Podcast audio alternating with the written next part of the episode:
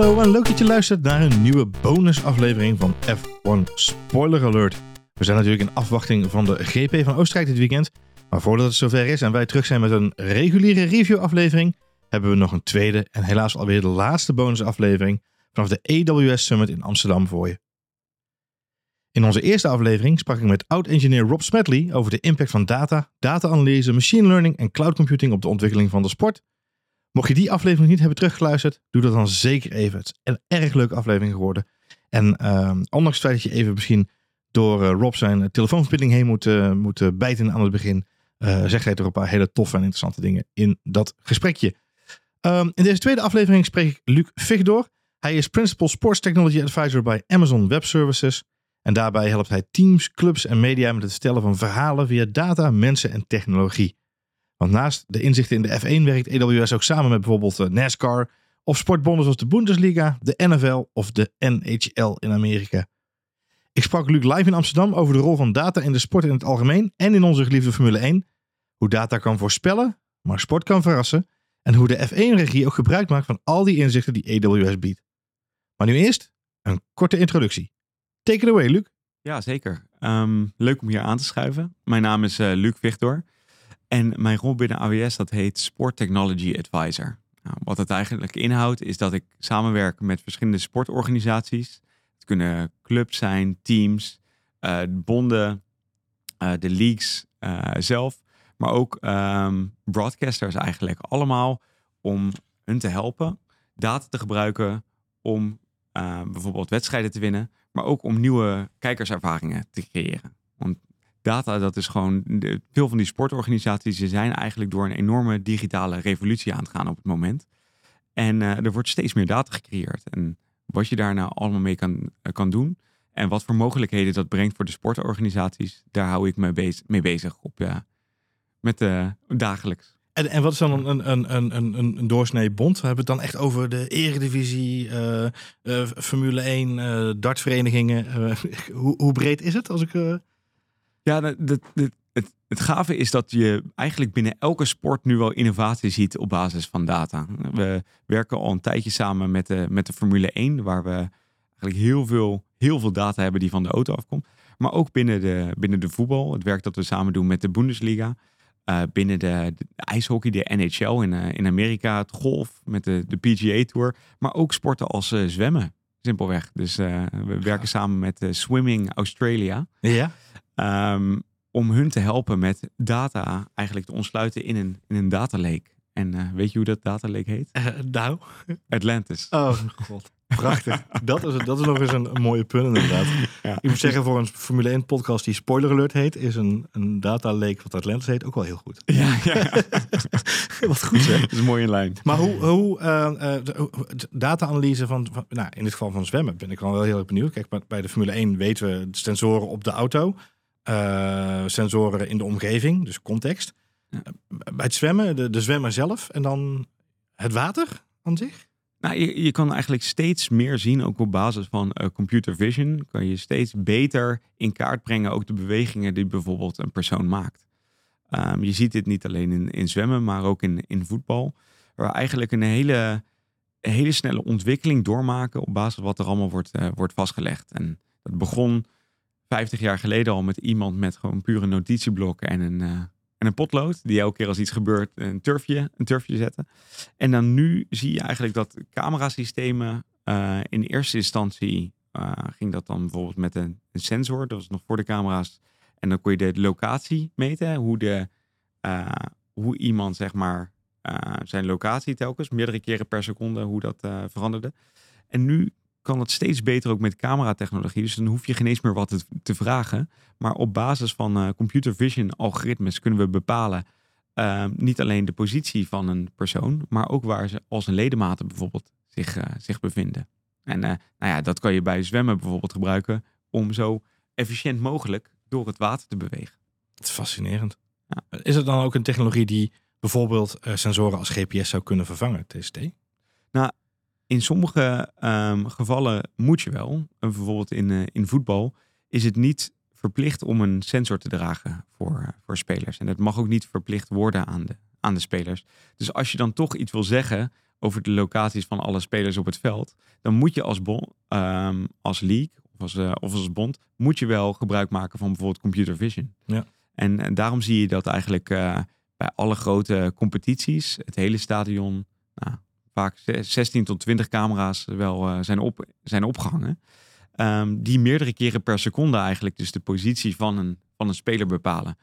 Terwijl tegelijkertijd de teams soms wel hun spelers vragen um, om sensortechnologie Ja. daarnaast nog te gebruiken. De welbekende hesjes. Ja, Ja, ja, ja. of de, ja, de sportsbras. ja eh, precies. als, het, als het ware, die je soms ziet als iemand dan nog, nog steeds een shirt uittrekt, Ja, ondanks, ja, ja, ja. De, ondanks de gele Ja, kaart. het mag niet, Ja. maar het doet het toch, ja. Ja. En eh, ehm, zie je dan nu bijvoorbeeld ook, hè, we zien natuurlijk in het bedrijfsleven dat, dat algoritmes en, en data-analyse extreem zijn toegenomen. Je geeft zelf aan vanuit de, de, de competities, de leagues zelf, hè, dus de Bundesliga of, of ik maak het even lokaal, Eredivisie of de Primera Division. Ehm, of Formule 1 als, eh, als organisatie voor hun league. Ehm, maar hoe is het dan voor de teams? Wordt die data dan ook, gaan teams daar ook meer mee aan de slag? Is dat überhaupt een samenwerking die ze hebben? Of Ja, dat, dat gebeurt steeds, steeds vaker. En zeker ehm, de afgelopen jaren was de uitdaging echt het meetbaar maken van wat er gebeurde op het veld. Hè. Dat zijn dus die, eh, die sensortechnologie. ehm, hoe maak je die kosteffectiever? Eh, die computers, die, eh, die camera's die in het stadion hangen. Hè, hoe analyseer je die data en hoe gebruik je algoritmes om die positie te bepalen? En wat doe je als twee spelers tegen elkaar aanlopen? Hè? Of die zien er interessant. Gebeurt bij het voetballen hetzelfde, nog wel eens? hetzel- hetzelfde uit. Hoe zorg je dan dat je toch de juiste speler blijft, eh, blijft tracken? Dus de, de nadruk lag de afgelopen jaren echt op het, op het meten van wat er gebeurt eh, in een eh, sportevenement. En waar nu de uitdaging ligt, in de komende jaren gaan we dat zeker nog, eh, zeker nog veel tegenkomen, is hoe maak je van ehm, measurable, hoe ze dat mooi zeggen in het Engels, meaningful Ja. data. Dus hoe haal je de juiste inzichten eruit waar jij beslissingen op kan maken? Die, die enorme bak met data, waar moet je je op richten als team? Eh, wat zijn de, eh, de keuzes die je kan maken die een invloed hebben uiteindelijk op het resultaat van de wedstrijd? En eh, welke speler moet je op welke manier trainen? Moet iemand wat meer rust krijgen of moet iemand anders nog wat extra high intensity runs doen? Welke strategieën werken goed? Moeten we over links of moeten we over rechts aanvallen? De lange bal of eh, opbouwen vanuit, eh, vanuit achter? En wat gaat onze tegenstander waarschijnlijk doen? En hoe, hoe verandert die van strategie? Ah, dit is gewoon eh, dit is een uitdaging die we, die we de, de komende jaren veel gaan zien. En om deze reden zie je ook dat in de sport er enorm veel vraag is naar mensen die technologie begrijpen. Dus mensen die data kunnen verwerken. Mensen die machine learning modellen kunnen, kunnen trainen. Om op basis daarvan nieuwe inzichten te creëren. Die vervolgens door de, de clubs en de teams kunnen worden gebruikt. Om hun kans om op winnen te vergroten eigenlijk. Dat zo simpel kan het zijn. Zo simpel kan het zijn. Nou, Ja. noem het maar simpel. Ja, dat is wel een hele stap. En jij noemde zelf al eventjes eh, media hè, ook als een rol. En, en daarmee even de brug maken ook naar fans. Eh, ik denk dat voor fans data ook steeds belangrijker geworden is in hun beleving. Eh, even kijken naar de Formule 1 als voorbeeld sinds 2018, 2019 al. Een heleboel nieuwe datastromen die we natuurlijk inzichtelijk gemaakt krijgen. In het voetbal eigenlijk al jarenlang. Ehm parallel trekkende tussen voetbal en Formule 1. eh, dat mag, mag af en toe. Ehm, Ja. Bij het voetbal hebben, zeggen de analisten altijd... het percentage balbezit zegt helemaal niks. In de Formule 1 hebben we met de introductie van de nieuwe insights... ook wel discussie gehad over hoeveel bepaalde inzichten zeggen. Wat voor impact heeft volgens jou die, die, die nieuwe data-inzichten op de fans gehad? Op de beleving daarvan? Is dat, is dat een discussie die je dan volgt actief? Dat je zegt, nou, daar laat ik me wel door leiden? Of kijk je daar veel eh, eh, abstracter naar, om het zo maar even te zeggen? Wat Nee, doen? eh, wat wij altijd doen bij AWS is dat we. we hebben een proces en dat heet working backwards. En dat betekent dat je eigenlijk begint het eindproduct. Dus je, je kijkt eerst wat is het eindproduct wat we willen creëren. En dan, dan kies je, oké, hoe gaan we dat maken? En dan uiteindelijk eindig je bij de technologie die je daarvoor nodig hebt. Dus zeker bij het creëren van die inzichten beginnen we ook bij de fan. En daar hebben we gesprekken, eh, gesprekken mee. Daar krijgen we feedback op. En op basis daarvan itereren we en bedenken we nieuwe dingen hoe we die, die fan zo goed mogelijk kunnen helpen. En in sport is dat specifiek een uitdaging omdat je heel veel verschillende fangroepen hebt. Denk bijvoorbeeld aan voetbal. Je hebt de, de oudere generatie die op zich zo min mogelijk eh, interruptie wil tijdens de wedstrijd. Hè. Die wil gewoon een commentator die misschien een beetje trash talkt. En eh, dat, ze, dat ze achterover op de bank kunnen lenen en de volle 90 minuten kunnen kijken. Terwijl de jongere generatie, leg maar eens aan je, aan je kinderen uit. eh, Of zet ze maar eens 90 minuten voor de televisie. Ik weet niet of iedereen blijft zitten. dus die moet je op een hele andere manier, die wil op een hele andere manier met sport omgaan. En data echt technologie kunnen helpen om die verschillende doelgroepen, hè, om die toch te helpen om op een, om hun eigen manier met sport uiteindelijk om te gaan. En eh, zodat iedereen kan interacteren met sport op de manier hoe zij dat, hoe zij dat uiteindelijk willen. En ja, data is eigenlijk de, de brandstof die dat, eh, die dat uiteindelijk mogelijk maakt. Denk je dat, eh de jongere doelgroep vind ik altijd een interessante uitgangspositie. Denk je dat eh, een, een voetbalwedstrijd van 90 minuten of een, een, een Formule 1 race van eh, eh, 120 eh, minuten soms wel, meestal rond, rond de 110, eh, dat het de, voor hen dan interessanter gaat worden om te blijven kijken omdat ze met die data de extra storylines krijgen die een beetje verborgen liggen. Omdat de traditionele regie het dan een beetje nou, niet laat afweten. Dat is een beetje een negatieve con- connotatie. Maar omdat ze minder zichtbaar zijn. Hè? De- Formule 1 is een sport, daar zitten de verhaallijnen eigenlijk in de data. En op alle kleine verhaaltjes die erin zitten. Komen die dan makkelijker naar boven met al deze data en deze inzichten? die, het is grappig wat je noemt, die, die traditionele eh, regie, die is ook heel in geïnteresseerd om data te gebruiken. Eh, omdat het ook hun helpt om te vinden waar, weet je, wat er gebeurt. Hè? Eh, we noemen even die parallel tussen, tussen voetbal en Formule 1. En ehm, als je kijkt naar een, een voetbalproductie, hè, dat draait allemaal eigenlijk op één ding. En dat is de bal. Maar bij de Formule 1 heb je 20 ballen. En die 20 ballen zijn niet op een veld van eh 100 bij, eh, bij 50 meter, maar die zijn op een kilometers lang track. Dus waar bijvoorbeeld de, de Formule 1, wat de uitdaging voor de Formule 1 is, is echt hoe vind je op dat kilometers lange track waar de actie gebeurt. Welke ehm, drivers zijn met elkaar in gevecht? Ehm, welke drivers zijn at risk? Wat is het verhaal van dat moment eh, tijdens de race? En misschien zijn er wel meerdere verhalen. En data kan je helpen om te identificeren wat er gebeurt, zodat jij uiteindelijk de keuze kan maken wat je laat zien aan die fans om de, rondom de hele wereld. Hè? Die eh 1,5 biljoen fans die in aanraking komen met de Formule 1. nou, dat is een enorm, enorme groep mensen. En ehm, data geeft ons de mogelijkheid om steeds meer en makkelijker eh, content te creëren. Of clips. eh, die we uiteindelijk kunnen delen met al die fans. eh, waarvan sommige fans misschien graag meer willen zien van Max Verstappen. om het zo maar te zeggen. En sommigen meer geïnteresseerd zijn in Alonso, anderen in Ocon, anderen in Magnussen. Ja.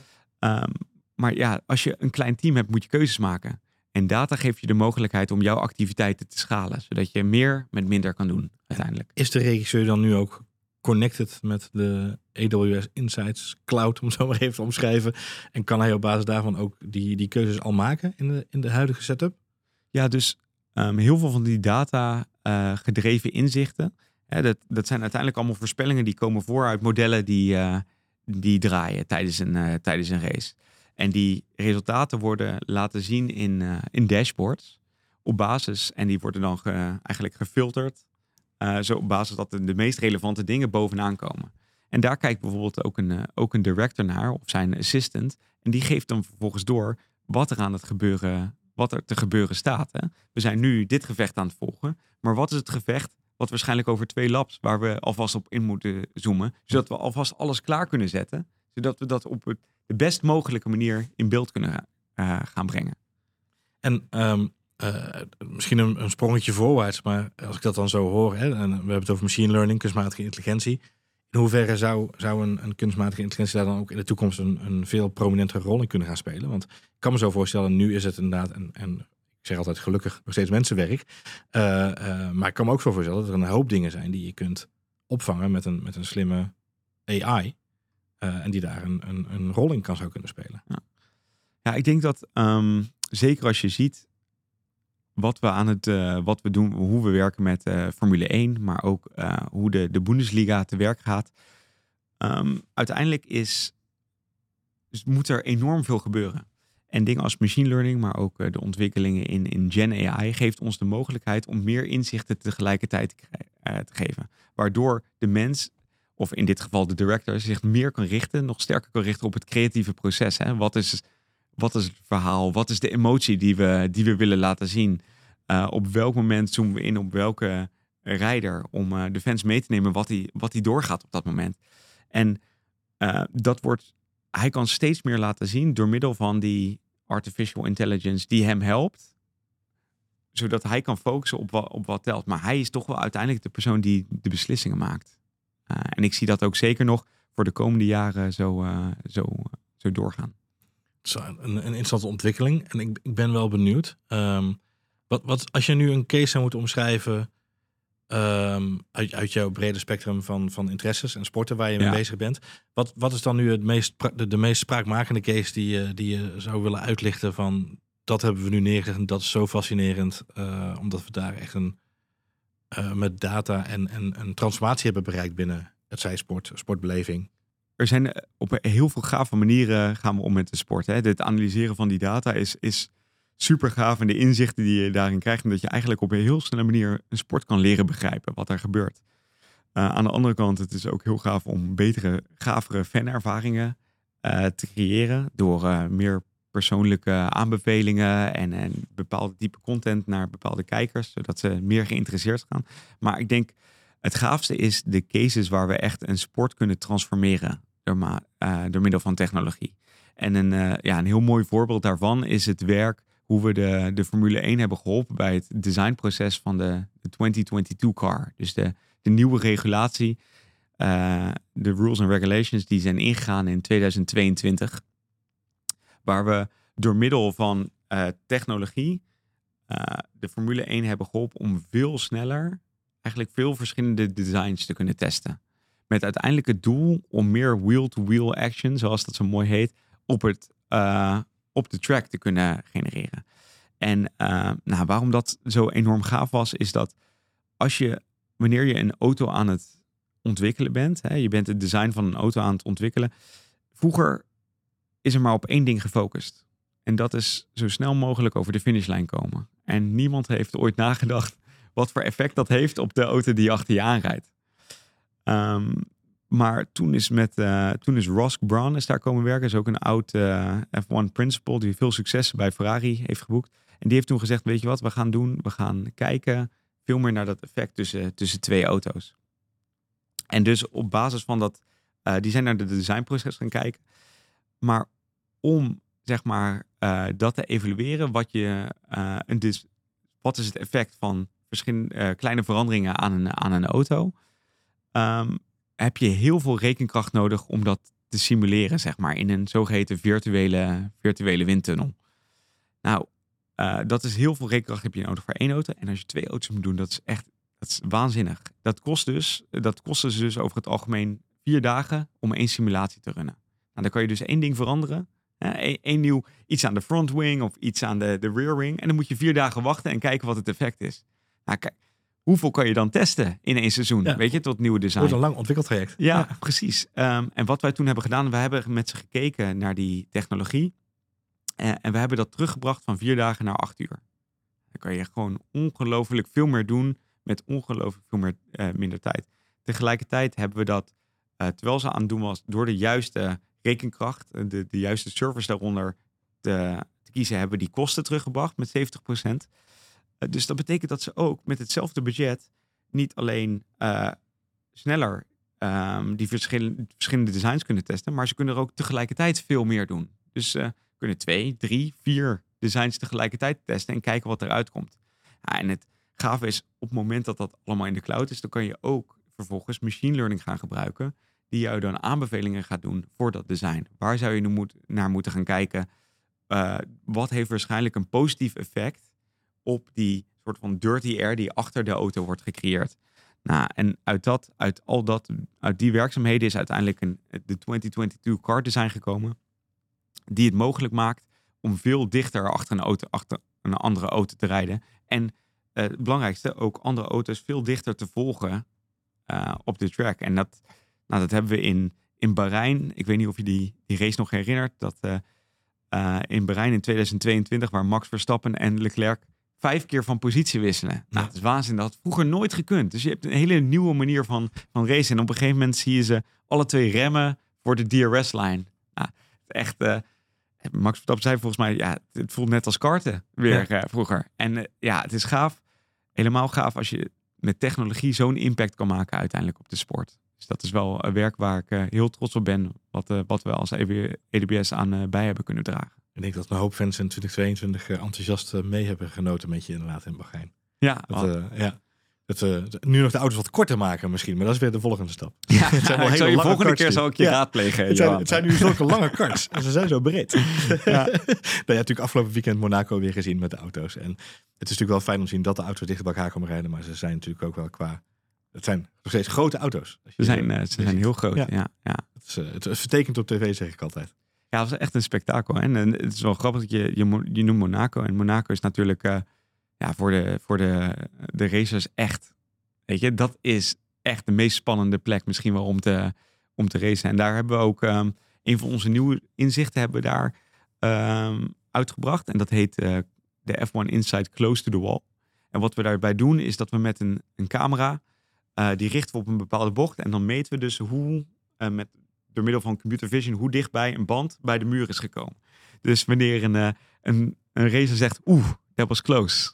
Dan kunnen wij precies zeggen hoeveel close Ja. dat was. 4 centimeter bijvoorbeeld. ja of nee? Ja. Ja, ja. En in sommige gevallen, oh, I think I kissed the wall there.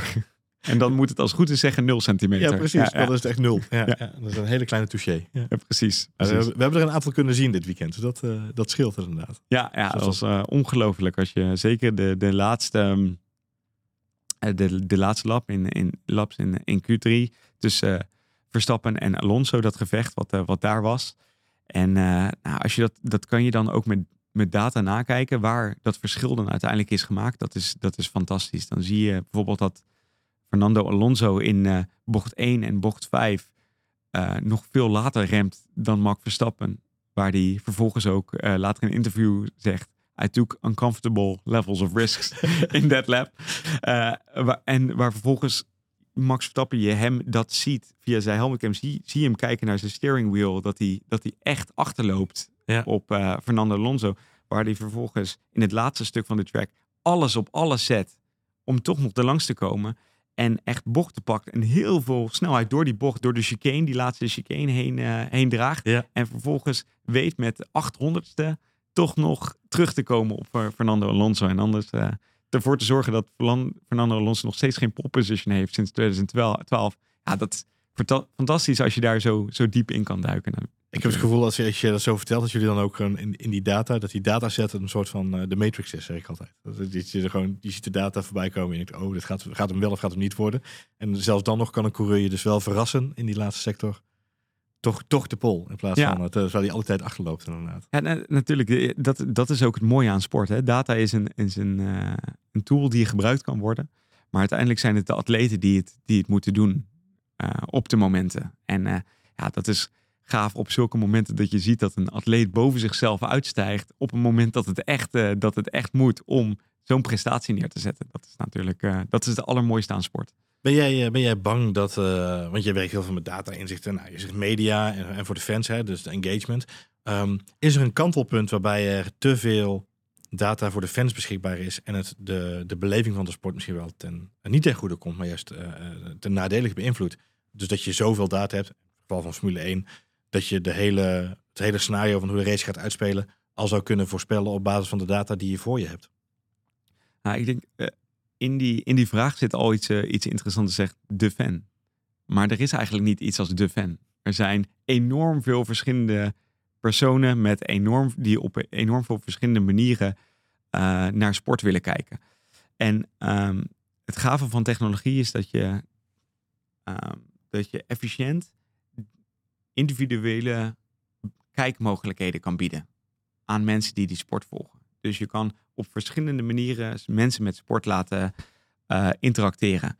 En ehm, ik denk dat we daar veel meer naartoe gaan. Dus misschien voor die groep fans die heel graag alles van tevoren willen weten, kunnen we hun alvast eh, inzichten geven in de, in de race.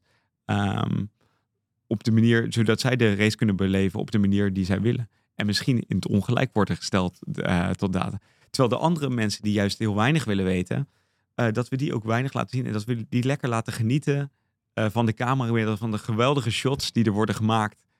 door middel van die, ja, die professionals die daar langs de track staan of die, weet je wel, in de stadions zitten en die geweldige close-ups maken van dat soort momenten. Het gaat eruit allemaal om hoe kunnen we, hoe kunnen we iedereen de ervaring bieden die die wil. Op de, en de, de mogelijkheid geven om sport te ervaren zoals hij dat of zij dat het liefste, het liefste ziet. En ja, ik, ik kijk er naar uit hoe we dat de, vol, de komende jaren gaan proberen te, te doen. Want het is geen makkelijke opgave. Wanneer kan ik in F1 TV het vinkje Pro Dashboard aanzetten? Ja. Nou, misschien moeten we volgend jaar nog maar een keer uh, praten, Johan. Leuk, leuk. Ik zie er nu al uit. Afsluitend, uh, je, je, bent met een heleboel dingen bezig. Hè? Je hebt alleen al in dit gesprek Bundesliga en, en, en Formule 1 hebben we, het voetbal hebben we een beetje gefocust. Wat is nou, als je kijkt naar de ontwikkelingen anno 2023, maar we gaan heel snel. We dachten allemaal dat we even in de luwte zaten, maar het gaat nu toch wel weer heel snel. Wat is nu de grootste uitdaging waar je de komende periode, jaren, je tanden in zou willen zetten en zeggen, nou, als ik echt carte blanche zou hebben, dan zou ik me daarop willen storten om dat helemaal de, de puntjes uit te werken en te tackelen. Ja. Nou, er zijn een, we hebben een aantal, uh, we, we, hebben een aantal topics al genoemd hè, in deze podcast. Dus de, de personalisering, hè, iedereen de, de kijkervaring geven die die wil.